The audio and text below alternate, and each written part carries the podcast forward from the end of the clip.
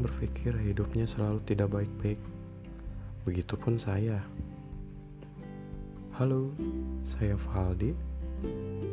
Saya membuat podcast ini hanya untuk membagikan keluhan yang mungkin semua orang alami. Saya pikir semua orang mengeluh, semua orang pun berhak untuk sembuh. Semoga melalui audio ini kita sama-sama dapat saling mewakili mengeluh dan sama-sama bisa untuk sembuh. Thank you.